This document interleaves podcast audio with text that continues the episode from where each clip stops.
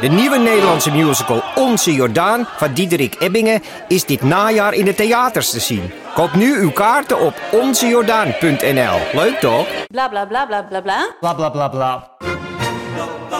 Idealen zijn prachtig, maar woorden verliezen betekenis als je niks doet.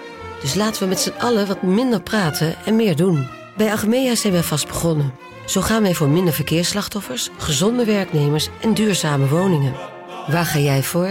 Kijk op www.werkenbijagmea.nl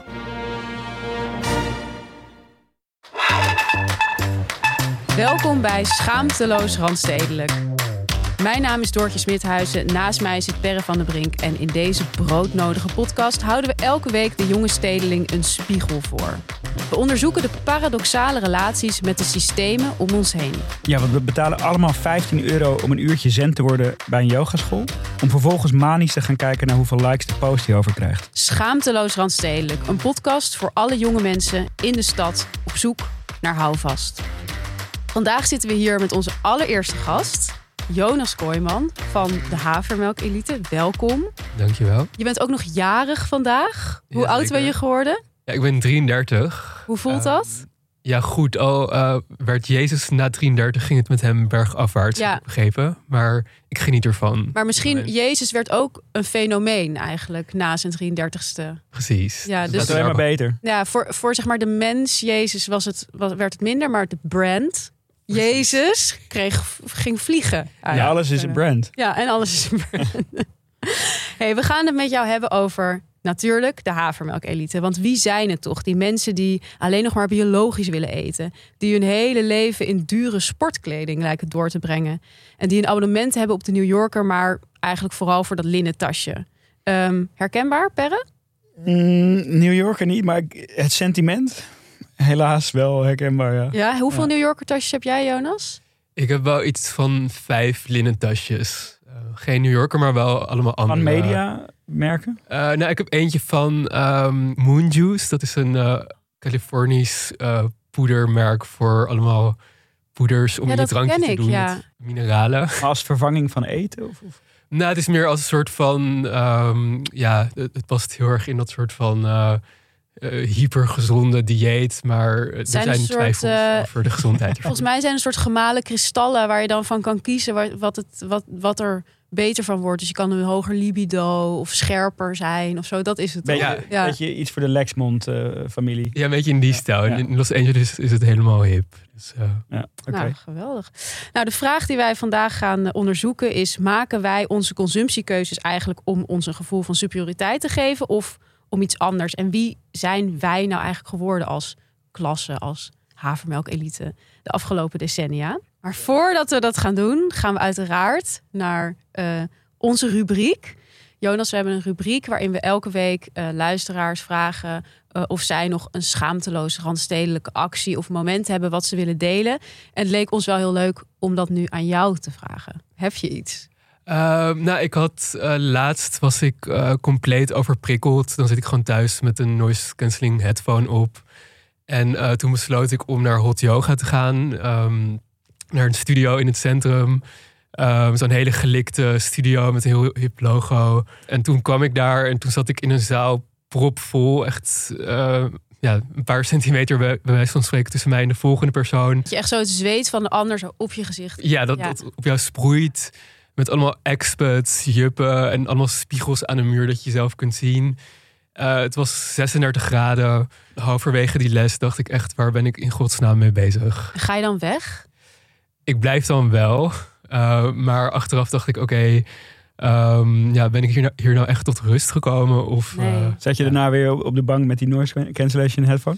ja, op, op de fiets terug zat Ja. ik weer die noise cancelling headphone op. Maar niets is eigenlijk erger toch dan een yogales die net niet goed valt. Of ja, of, of dat mensen heel hard gaan ademen. Ja. als je- Of een docent die je waarmee je net niet klikt of Ja. zo. En dat je dan eigenlijk gewoon een uur je aan het ergeren bent. precies. Ja. En naar huis wil. Ja.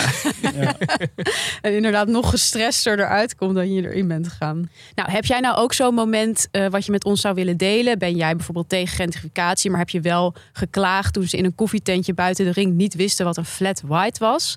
Laat het ons dan vooral weten via Instagram, schaamteloos randstedelijk.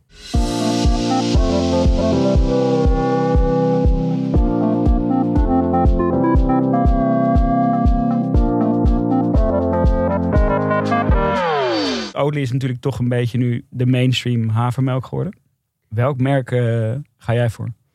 Oeh, ehm, ik vind Oatly het lekkerste, maar ik, het krijgt online wel veel kritiek eh, over Oh ja? monopoliepositie en, en ook... Ja, ik, ik krijg wel eens DM's dan op mijn Instagram dat het ook ongezond zou zijn. Eh, maar ik, ik vind die wel eerlijk gezegd het lekkerste. Maar ik zie inderdaad ook een paar van die wat meer indie brand met zo'n soort grafisch ontwerp op de cover of Ja, op het pak. ja, Ehm, maar dat is natuurlijk heel interessant. Want Oatly heeft zich natuurlijk heel lang als het indie-merk geprofileerd. Maar op het moment dat jij dominant bent en de grote speler... kan je dat gewoon niet meer volhouden eigenlijk. En ze hebben ook een, een grote investering aangenomen van Blackstone. Dus eh, Oh, ja. een, eh, ja, een fonds wat, wat nou niet bepaald bekend staat om eh, te investeren in missiegedreven ja. ondernemingen. Dus dat, dat heeft ze ook niet echt in, aan hun credibility geholpen. Eh, maar inderdaad, ze zijn nu helemaal het establishment geworden. Terwijl ze eigenlijk inderdaad begonnen met die, met die barista. Ja, Ja, dat minor figures zie je de laatste tijd heel ja, vaak. klopt. Die, die bedoel ik. Met Ja. die eh, tekening. Ja. Ja. Ja. Minor figure. ja, het ziet er gewoon... Ik denk als je het ontwerp zou zien, dan zou je het Is herkennen. dat met dat soort mannetje erop? Ja, het is Ja, een soort ja. van eh, carto- cartoon-achtige Is look. het lekker? Ik vind die te, te zoet. Maar, Oh. ehm, Ja, ik moet zeggen dat ik bij havermelk sowieso...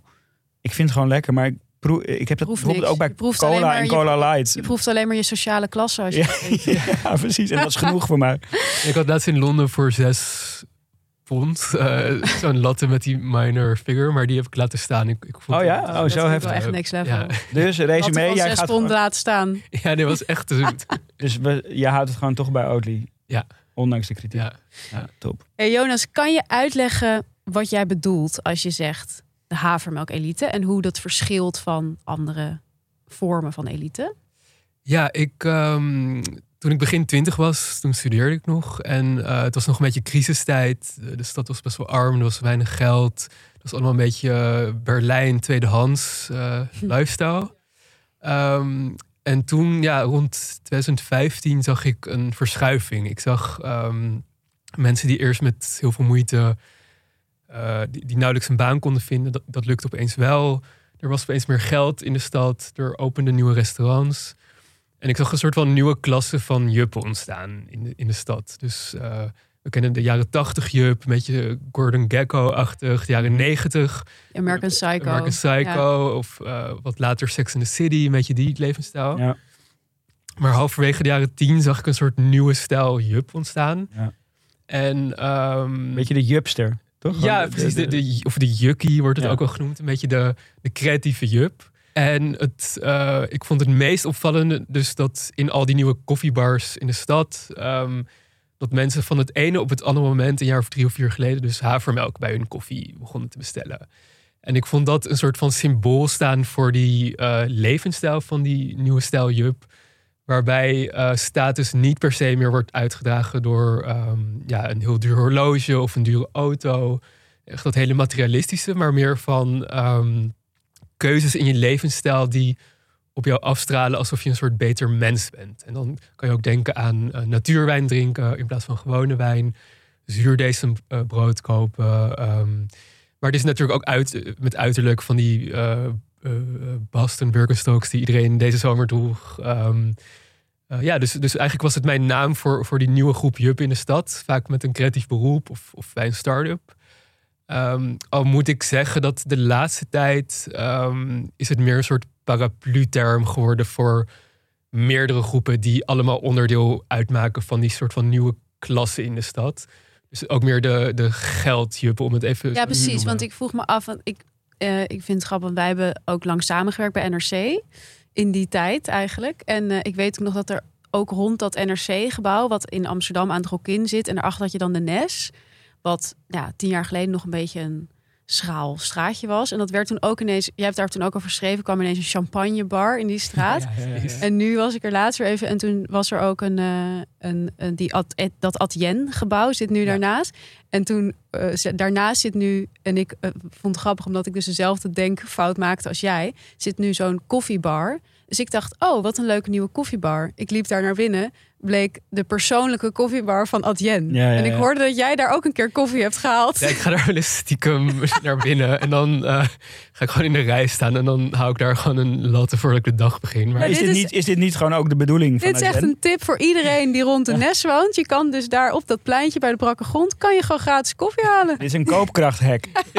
Ja, dit is gewoon geweldig. Ja, maar dat is echt heftig. Van die, eh, het is gewoon een soort privé koffiebar voor die soort het van... leek wel alsof ik in een Black Mirror aflevering Ja. stond. Ook die gesprekken van die mensen. Ja, Het ging alleen maar over. Het ging serieus alleen maar over e-bikes en huizen kopen. ja, In het Engels dan, hè? ja. Maar het zit ook, ik, ik, ik weet van, de, de- eh, ik heb met hun gewerkt he- helemaal toen zij nog kleine start-up waren. En Tuurlijk. toen zat dat- was er vroeg bij. Precies, voordat het cool was. Eh, de- toen zat dat al helemaal in hun cultuur. Oh, ja. Toen, ja, toen, toen zij, eh, za- zaten ze nog in een veel kleiner pand. En toen hadden ze echt al een barista in dat kantoor. eh, waar gewoon alles, alles werd eigenlijk gebouwd om die koffieplek. Om die barista. eh, ja, om die barista. heen. Die was gewoon allerbelangrijkste Ja. persoon van dat Ja, echt. Ja. Heel grappig. Hey Jonas, ik heb nu eindelijk, omdat ik wist dat jij zou komen, het boek eh, van Elizabeth Currid Halkett gelezen. eh, The Sum of Small Things. Eh, jij bent daar ook heel erg fan van, volgens mij. En eh, zij heeft het niet over de havermelk-elite, maar over de aspirational class. Maar volgens mij vallen die wel een beetje in hetzelfde frame, toch? Wat, ik vraag me af, als je het hebt over die aspirational class, hoe zou je het eigenlijk vertalen in Nederlands? Ja, letterlijk vertaald is het de strevende klasse. Strevende klasse, ja, Ja. precies. Oh, dat is Ja. wel mooi. En ik vraag me af, waar zit dat streven in? Zeg maar, zit het in om zelf beter te worden? Of is het je beter willen voelen dan anderen met je havermelk? Ja, ik, ik zie het een beetje als tweeledig. Dus aan de ene kant eh dus erg dat streven naar soort van een beter mens. En, en dat ook aan de wereld te tonen. Dus door heel bewust eh, te leven en hele bewuste eh keuze te maken op het gebied van consumptie. Maar ik denk ook dat het ehm, heel erg een manier... Het, het is ook een soort van spelletje dat jij de culturele codes snapt van de stedelijke voorhoede. Ehm, dus het is een constant spel van oké, dit jaar eh, moet je naar dit restaurant zijn. En als je daar op vrijdagavond last minute de reservering kan scoren, dan is dat impliciet statusverhogend. Ja, Ehm, dus er is constant, eh, eh, naar mijn idee, in de Randstad een soort spel van die culturele codes. Een, een spel van mensen uit de middenklasse. En ehm, het is best wel veel werk om eh, die codes te begrijpen en het bij te houden van oké, welke podcast moet je luisteren, welke artikelen moet je hebben gelezen, welke series moet je kijken om bij een etentje mee te kunnen praten. Ehm, welke films moet je zien of eh, welke, welke clubs Denk je dat moet dat voor mensen echt een bewuste ja dat af. exercitie is, zeg maar? Dus, Nou, niemand geeft het toe, want niemand wil natuurlijk toegeven dat hij Ja. eh, iets bewust doet voor, voor een status. mhm. Uh, maar ik denk wel, ja, dat, dat, ehm, uh, dat je bijvoorbeeld als je besluit om uit eten te gaan, dat je dat misschien in Amsterdam uh, ga je dan naar de Europizza of de Corner, Corner Store. Store, en je my gaat- god. ja. Nou, ik heb gisteren nog een wekkertje gezet hoor. Om Toscanini te reserveren. ja. ja, het is toch een soort positionering van jezelf. ja, van jezelf. ja, Maar ik denk dus ja. dat, het ook, dat, het, dat het ook misschien wel een beetje onbewust is. Want Ja. ik, denk niet dat, ik denk niet op het moment dat ik Toscanini zit te reserveren... ik wil mijn status verhogen. Maar ik denk dat het ook een beetje te maken heeft met... waar we het in de vorige aflevering over hadden... over die eh, van Moofs. Dus dat iets wordt ook waardevol... op het moment dat duidelijk is dat Mhm. iedereen het wil. Ja. Dat Ja. gevoel heb ik ook. Ja. daarbij. Ja, ja het, het speelt ook met, met schaarste natuurlijk. Ja. En, eh, ja. En je zegt middenklasse, dat vind ik interessant. Is het per se iets voor de middenklasse? Want wat ik heel interessant vind aan die ehm, ja, havermelk, elitaire eh, dingen, zeg maar, is dat ze vaak niet eens zo heel veel te maken lijken te hebben met geld. Hm. En dat beschrijft zij ook heel goed in dat boek van de afgelopen decennia is gewoon luxe voor veel meer mensen bereikbaar geworden. Dus als ik het goed begrijp, ehm, zijn we eigenlijk op zoek gegaan naar andere manieren van luxe. Ja, ja, nee, klopt. Eh, dingen die voorheen super luxe waren, zoals sushi of een verre zonvakantie of, of een eh, smartphone, die zijn nu in het bereik van de massa gekomen. En wat je dan ziet is dus dat, dat mensen op zoek gaan naar nieuwe manieren om schaarste of exclusiviteit eh, te creëren. Ehm, en het, inderdaad, je, eh, ook bij de havermelkelite, dat, dat beschrijft die eh, Elizabeth uh, Kurt ook in haar boek. Het zijn ook mensen met gewoon creatieve freelancers met weinig geld. Die kunnen ook uh, meedoen, meedoen aan dit spelletje. En die culturele codes goed begrijpen. Net als iemand met veel geld. Um, maar ik denk wel dat het ook... Ik zie het ook als een reactie op de, het afbrokkelen van de middenklasse. Dus uh, je ziet ook in Amsterdam dat die steeds... Die groep wordt steeds kleiner. Die, die daalt elk jaar met een paar procentpunt. En die, als reactie daarop worden de regels ehm, eh, dus, dus die middenklasse is bang voor positieverlies. En die maken het spel daarom nog ingewikkelder om erbij te horen. Om als een soort van zelfbescherming. Ja, ja, dus ze maken hun eigen spel moeilijker te spelen. Ja, Zodat ze hun eigen positie bestendigen eigenlijk. ja precies Ja. dat. Oh, Ja. Ja, Oké. ja. Ja, ik vind het wel. Existentialistisch is het. Ja, ja, ja. Wauw. Ik vind het waar ik me dus heel erg. Ik verbaas me daar dus wel om. Want ik ben dus. Nou, ik erger me ook enorm aan dat reserverings. Die reserveringscultuur. Dus dat idee dat je dus echt maanden van tevoren je reservering moet doen om ergens leuk te eten in het weekend. Ik doe dit totaal ook. Eh, maar ik was dus laatst ook bij de corner store.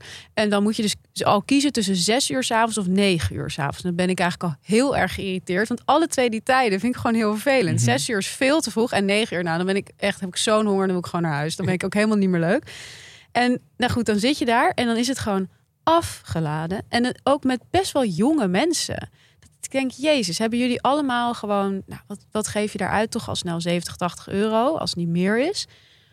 Allemaal dat geld over blijkbaar om daar te kunnen zitten eten.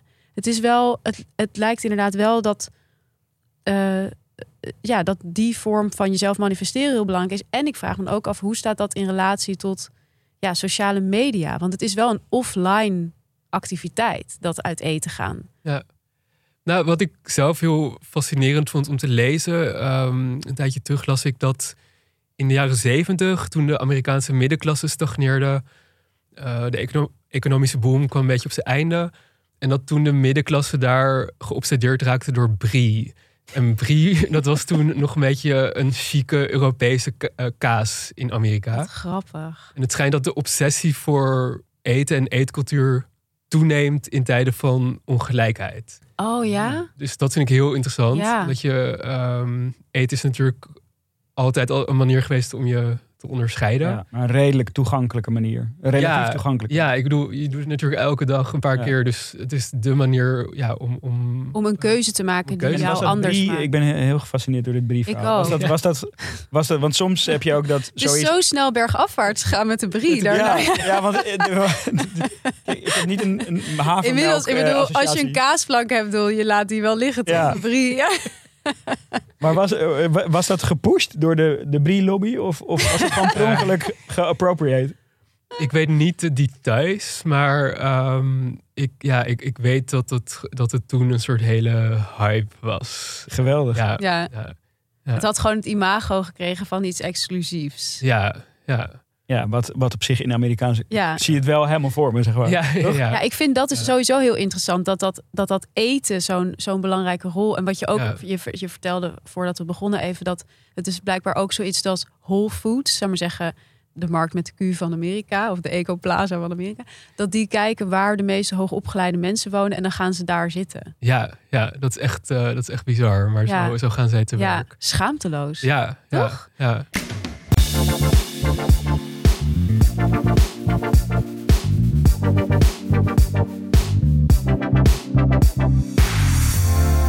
En wat ik ook heel interessant vond om, eh, om ook in het boek te lezen, was dat, het, dat die nieuwe elite, die strevende klasse, zich zo eh, manifesteert door, eh, zeg maar zeggen, hun manier van tijdsbesteding te tonen.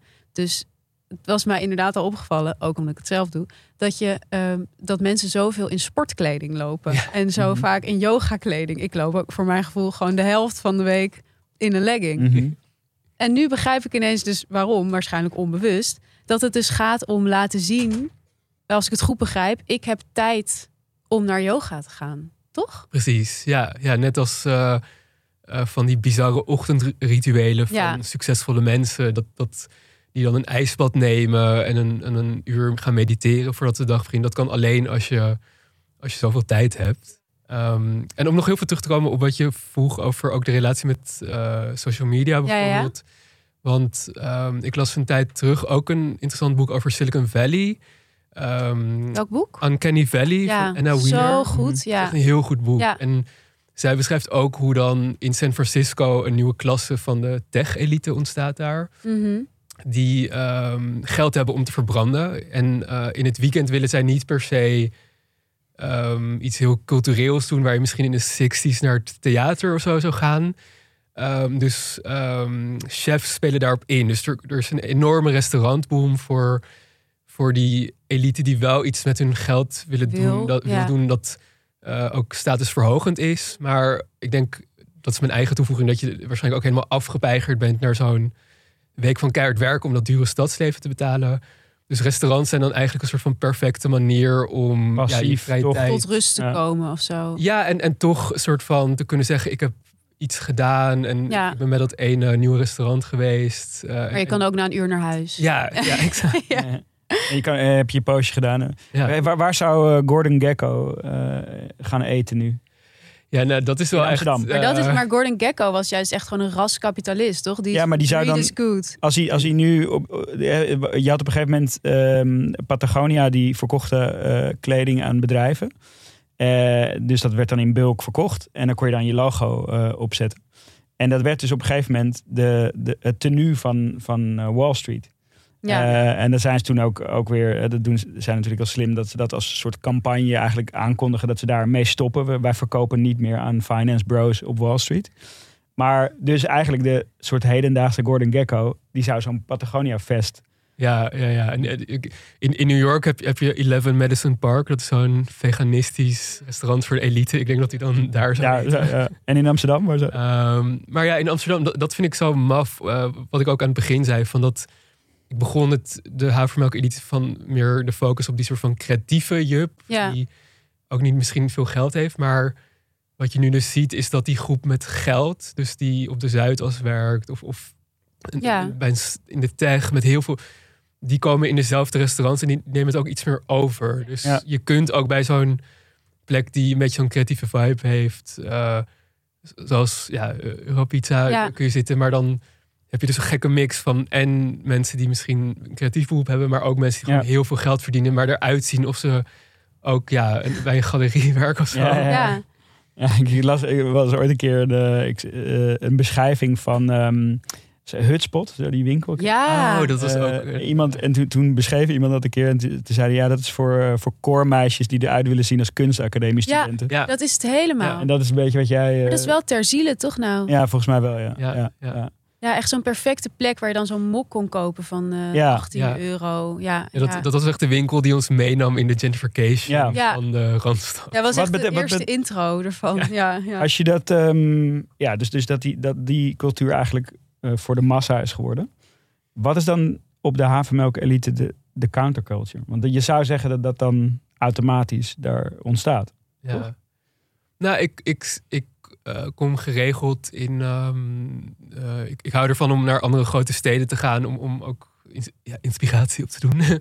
dus ik vind bijvoorbeeld in Berlijn heb je nog een veel duidelijkere eh, counterculture. Dat, dat is dan meer.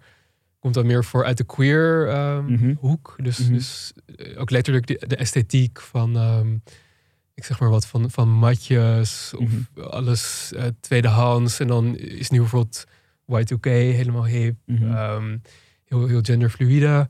Ehm, maar ik denk toch ja, een beetje die alternatieve hoek van, van anticapitalistisch. eh met met eh, mensen die dan naar, naar eh, geheime raves gaan. Of ni- niet zo meedoen met, dat, met die hele red race. En misschien iets meer lanterfanten in het, in het leven. Dat, dat is, zie ik nu een beetje als die ja. Ja, je ziet het in de clubcultuur wel een beetje in Amsterdam ook. Ja. Ik, eh, die, die esthetiek en die houding. Ja. Zo, weet je? Nou, ik vind het interessant wat je zegt, eh anticapitalistisch als counterculture. Want ik vraag me eigenlijk af, hè, je hebt natuurlijk de laatste tijd gaat het heel veel over die klo- groeiende kloof tussen rijk en arm, haves en have-nots, weet je wel. Waar staat de havermelk-elite binnen die, binnen die tweedeling? Ja, ik zie twee groepen. Want, want je hebt natuurlijk de mensen die, ehm, die heel erg floreren in deze tijd. Die, ehm, die een, een baan hebben waar, waarmee ze bakken met geld verdienen. En, en die in een mooi appartement kunnen wonen. Eh, je hebt ook de groep die minder goed meekomt. Eh, ik kijk dan, ja, ik ben zelf 33, dus ehm, ik heb, ja, toen ik net afgestudeerd was er gewoon, wat ik al zei, heel weinig geld. En je hebt ook een groep mensen die gewoon nooit helemaal ehm, dat, dat eh, over- overkomen is. Zeg, zeg je Ja, ja die Dus- nooit zeg maar Mhm. helemaal maatschappelijk of economisch gezien misschien Ja, waarbij aanhalingstekens dan doe je niet nooit in elkaar klikken. Zeg. Ja. Ja, die, die hebben een beetje de boot gemist. Want Ja. die konden in de eerste jaren geen ehm, goede banen vinden. Die, konden, die moesten huren. Die, die konden geen voet tussen de deur krijgen op de woningmarkt. En als gevolg daarvan, ehm, ja, dus je hebt een groep die wel heel graag mee wil doen met dat leven. En, en, en er misschien ook mee, mee doet. Want de meeste mensen kunnen wel eh, een, een koffie eh, halen bij zo'n hip tentje en daar zitten. Dus je kunt er wel aan meedoen. Maar het wordt dan ook iets meer een, ehm, een toneelstuk, een performance. ja, ja, Om de schijn op te houden. Ja, dus eigenlijk een soort voor jezelf het gevoel creëren dat je wel meedoet in die kapitalistische stroom, maar eigenlijk gewoon misschien best wel veel geldzorgen hebt. Of Precies. Ja. En, en, en dat je flexwerk hebt of meerdere baantjes combineert. spelen merken daar ook op in, denk je, in, op dat gevoel? Ja, absoluut. Wa- Wat ik echt een heel interessant fenomeen vind, is ehm, middelmatige luxe. Ik heb daar ooit voor NRC een stuk over Ja, heel geschreven. leuk. Dat is. ehm, eh, Wat schaar je daar dan onder? Nou, dat, het, het is in, door een Amerikaanse eh, man bedacht, die term premium mediocre. En dat zijn producten met een aura van luxe, maar die niet echt luxe zijn. En dan kun je denken aan eh, de truffelchips bij de markt. Oh ja. Met eh 0,03% truffel. Ehm, maar ook van die opblaasbaden van... eh, ja, je hebt een paar merken daarvan voor mensen die heel klein wonen en geen echt bad kunnen. Dus die nemen zo'n opbla- eh, plastic opblaasbad thuis. Eh, of van die fietsen van ehm Veloretti die er heel mooi uitzien, maar op internet ja, niet hele goede reviews krijgen. Ehm, dat vind ik voorbeelden van middelmatige luxe. En ja, die spelen heel erg in op die, die groep die dus ehm, die wel, ja, die een beetje beduust is eigenlijk van Ja. hey, ehm, wij zijn misschien opgegroeid in een middenklasse omgeving en ons was later dat eh, leven beloofd Ja. als we ons best zouden doen, maar Het die zijn stijgen ook misschien wel. die zouden stijgen. Ja, maar eigenlijk maar we zijn aan het dalen. We zijn aan het dalen. Ja. Eh, maar ik, ja, ik, ik, ik, ik ehm, Maar ik heb wel mijn truffelchips. precies, ja, dat. dat is eigenlijk ja, best wel treurig. En, ja, wel heel ehm, interessant. Doe me ja. ook denken aan wat we de vorige keer toen we het hadden over die van Moos. Dat die, die psycholoog, weet je wel, die zei van je Mhm. koopt ook dingen om bij een groep te horen. Dat, Ja. dat vind ik heel duidelijk Ja, worden in, ja, dit, in ja. dit ding. ja, en ik doe er zelf ook soms aan mee. Dat ik, Ja, wat, eh, hoe is het voor jou? Wat zijn jouw... eh, Eh, nou, ik, ik, ik heb wel eens ehm, voor een reisverhaal dat ik, dat ik was ik in Amerika en toen, toen ehm, sliep ik in een echt zo'n premium mediocre hotel. Dus dat was dan echt ja, eh, aan de kust, eh, vlakbij New York. En dan, ehm, het was echt, de lobby was echt prachtig en heel Instagrammable met weet ik veel planten en een hippe typografie en, en whatever. En ik kreeg dan, omdat ik als journalist op bezoek was, kreeg ik echt zo de, De suite. de suite. Ehm, en die was best wel groot, maar het was ook allemaal net niet. Ja. Dus een, een oncomfortabele bank. Er was geen bad, maar een douche. Echt een enorm probleem. ja, ja, Maar, ja. Maar het is toch ehm, altijd een tegenvaller. ja, en, en, en het was gewoon allemaal een beetje... eh, en dat je, misschien als je het op de foto zou zetten door de kleuren, dat het er heel mooi uitzag. Maar dat ik dacht, ja, hier zou ik zelf nooit eh, een paar honderd euro voor, voor betalen. Een soort façade. Ja, en, eh, maar, maar het, verrader, verraderlijke is ook dat die groep steeds meer eigenlijk verdwijnt uit de stad. Want eh, dus de groep die niet, niet meekomt, die wordt steeds meer verdrongen. Dus eh, Ja, een hoop zullen, zullen, ja, die blijven gewoon huren en hier wonen. Maar, maar ook heel veel die, die vertrekken. Dus die worden dan vervangen door nieuwe. nieuwe mensen die het allemaal wel kunnen betalen. Ja, Dus, Of dat- die nog ja. hoop hebben. Of die nog hopen. Hey, nog een, nog, nog, nog, ik, ik was benieuwd naar twee een beetje soort uitzoomend ehm, eh, eh, uit waar we het nu over hebben maar- en meer over jouw manier van werken. Eigenlijk wat jij, je, je, je werkt bij de, bij de NRC Ehm, en je hebt daarnaast jouw eigen soort van imperiumpje eh, ben je aan het bouwen. Eh, dus het is heel creator economy eh, toch? Je, je, je maakt jezelf onafhankelijk van, van derden, zeg maar. Hoe kijk je tegen die creator economy aan? Zie je dat groeien je? Ja, ik vind het een hele interessante ontwikkeling. Ik, ehm, ik denk wel dat het enorm blijft groeien. Dus, dus het is natuurlijk wat begon vanuit de influencercultuur, is nu een soort van geëvalueerd. En dat, ja, dat, dat mensen gewoon hun eigen persoonlijke merk worden, hun, hun media-imperium. En ik, ik heb er ook al, wel eens over geschreven. Dus ik, ik kwam één voorbeeld tegen dat in de Marks Spencer, in die supermarkt in, eh, in Engeland, dat daar dan één filiaal had een eigen TikTok-account. Gewoon spontaan zelf begonnen. Dat was enorm succesvol. Die hadden echt honderdduizend of, zelfs een miljoen eh, eh, views. Mhm. En toen vond het hoofdkantoor van Marks Spencer dat zo interessant dat dat vervolgens bij alle filialen of, of bij een groot aantal filialen is eh, geïntroduceerd. Dus die mo- moesten toen verplicht een eigen TikTok beginnen. Dus eh, nou, dit is dan een beetje de dark side voorbeeld. Ja. Maar- mis natuurlijk. Ja, ja, nee, waarschijnlijk wel. Ja. Eh, maar ik denk wel dat het. ehm, eh, misschien is Nederland wel. Ik, ik ben benieuwd hoe, in hoeverre het hier aanstaat. Want hier is al iets minder die cultuur van Anglo-Saxische landen. Dat je heel erg eh, al gewend bent om mensen te steunen met geld. Ja. Ja. Maar ik zie het wel zeker nog eh, veel groter worden. Du- Dus dat iedereen. eh, of bij wijze van spreken veel. De ene begint een nieuwsbrief, de ander begint een podcast. Ja. eh, dit en dat. Nou, Ehm, we worden wel steeds, we vinden het wel steeds normaler dat mensen, zou maar zeggen, op een particuliere manier geld gaan vragen voor hun werk. Heb ik het idee. Ja, ja. Ja, voor mij gaat het ook heel erg over onafhankelijkheid, toch? Van je, je, je, je, je, je, je bent eigenlijk afhankelijk van platformen Ja. eh, of van werkgevers. En je probeert je daar eigenlijk aan te ontkoppelen Ja. eh, door je eigen eh, soort van betaalsysteem te introduceren of zo. Ja, nee, klopt. Ik, ik, ik ben het zelf ook begonnen nog. Sinds vo- vorig jaar, eh, 2021, ben ik in loondienst. Maar ik begon het Havermelk Elite in 2020. En toen was Ah, ik nog freelancer. Ja.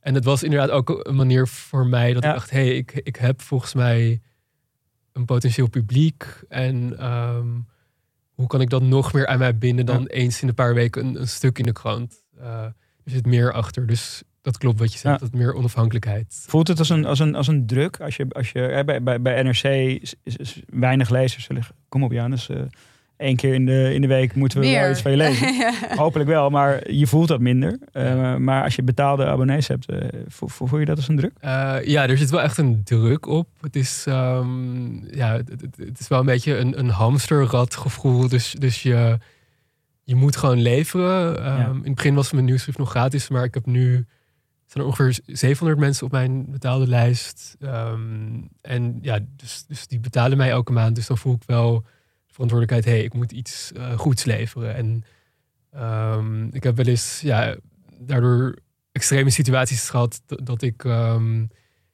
weet ik veel, na een feestje op zaterdagavond nog eh, een deel van mijn Notities nieuwsbrief moest afmaken, omdat hij gewoon Oh, de ja. dag erna eruit moest. Of, Ja. of dingen als doorwerken in het weekend, dat, dat hoort er ook bij. Mhm. Ehm, ja, nee, dus er zit absoluut een, een soort eh, druk achter. En, en, en je, je hebt bijvoorbeeld ook een soort eh, grafiek van, van de mensen die zich hebben aangemeld. Mhm. Ja. Dus dat Zie je ook wie? Zie je ook Ja. persoonlijk af van als iemand zich weer dat je denkt, oh, Ja, maar, dus je kan heb zien jij je afgemeld? Ja, ja, ja. Eh, en ik, ik kijk daar ook bewust dan niet naar. Oh, Want ja. dat, Ah, je gaat niet maar- van... ah, Niet even appen Waarom, van eh, waarom? Ja. nee, dat doe ik niet.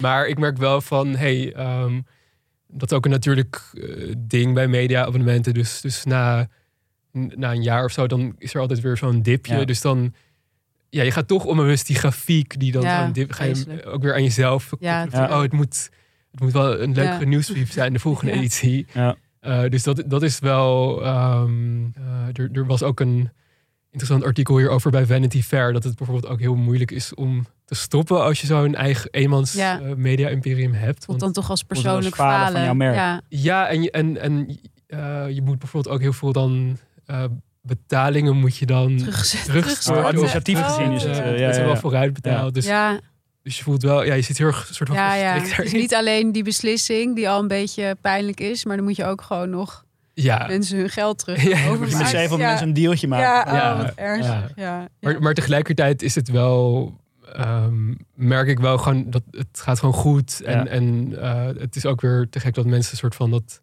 mij dan vertrouwen op wat ik lever. Dus Ja. eh, ehm, dat is ook te gek. Ja, die, die, die veel directere relatie met je publiek Ja. lijkt mij eh, dat wel waard. Of zo. Ja, Wanneer komt je volgende nieuwsbrief uit, Jonas? die Waar gaat die over? ehm, over niet dit weekend, maar het weekend daarna. Oké, Ehm, en dat, perfect. Is als deze aflevering uitkomt. Ja. ja, als deze aflevering uitkomt, het, het gaat Kan je om- nog snel abonneren? Oh, ja, ja, precies. Het gaat onder meer over dat er een vibe shift is op het gebied van eh, hoe je je eten fotografeert. Oh, Dus niet meer die. ook een eh, artikel daarover ja, ja, ik denk dat we dan dezelfde hebben gedaan. Dus Ja. niet meer dat hele gelikte, die foto van boven en alles perfect gesteld. Maar meer die ingezoomde Gen Z-foto Oh, van een half opgegeten bord. Jeetje, de vibe shift. Ja, ik heb ook het idee geen dat eh, na- natuurlijk licht je meer. kan geen hoek meer om of er is weer een vibe shift gaande voor mijn gevoel.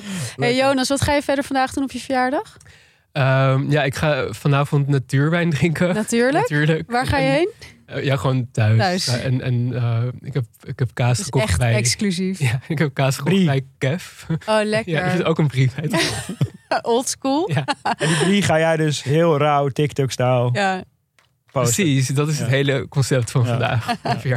geweldig. Nou, we gaan het allemaal volgen en abonneren op je nieuwsbrief. En heel fijn dat je ons even goed wilde bijpraten over de havermelk-elite.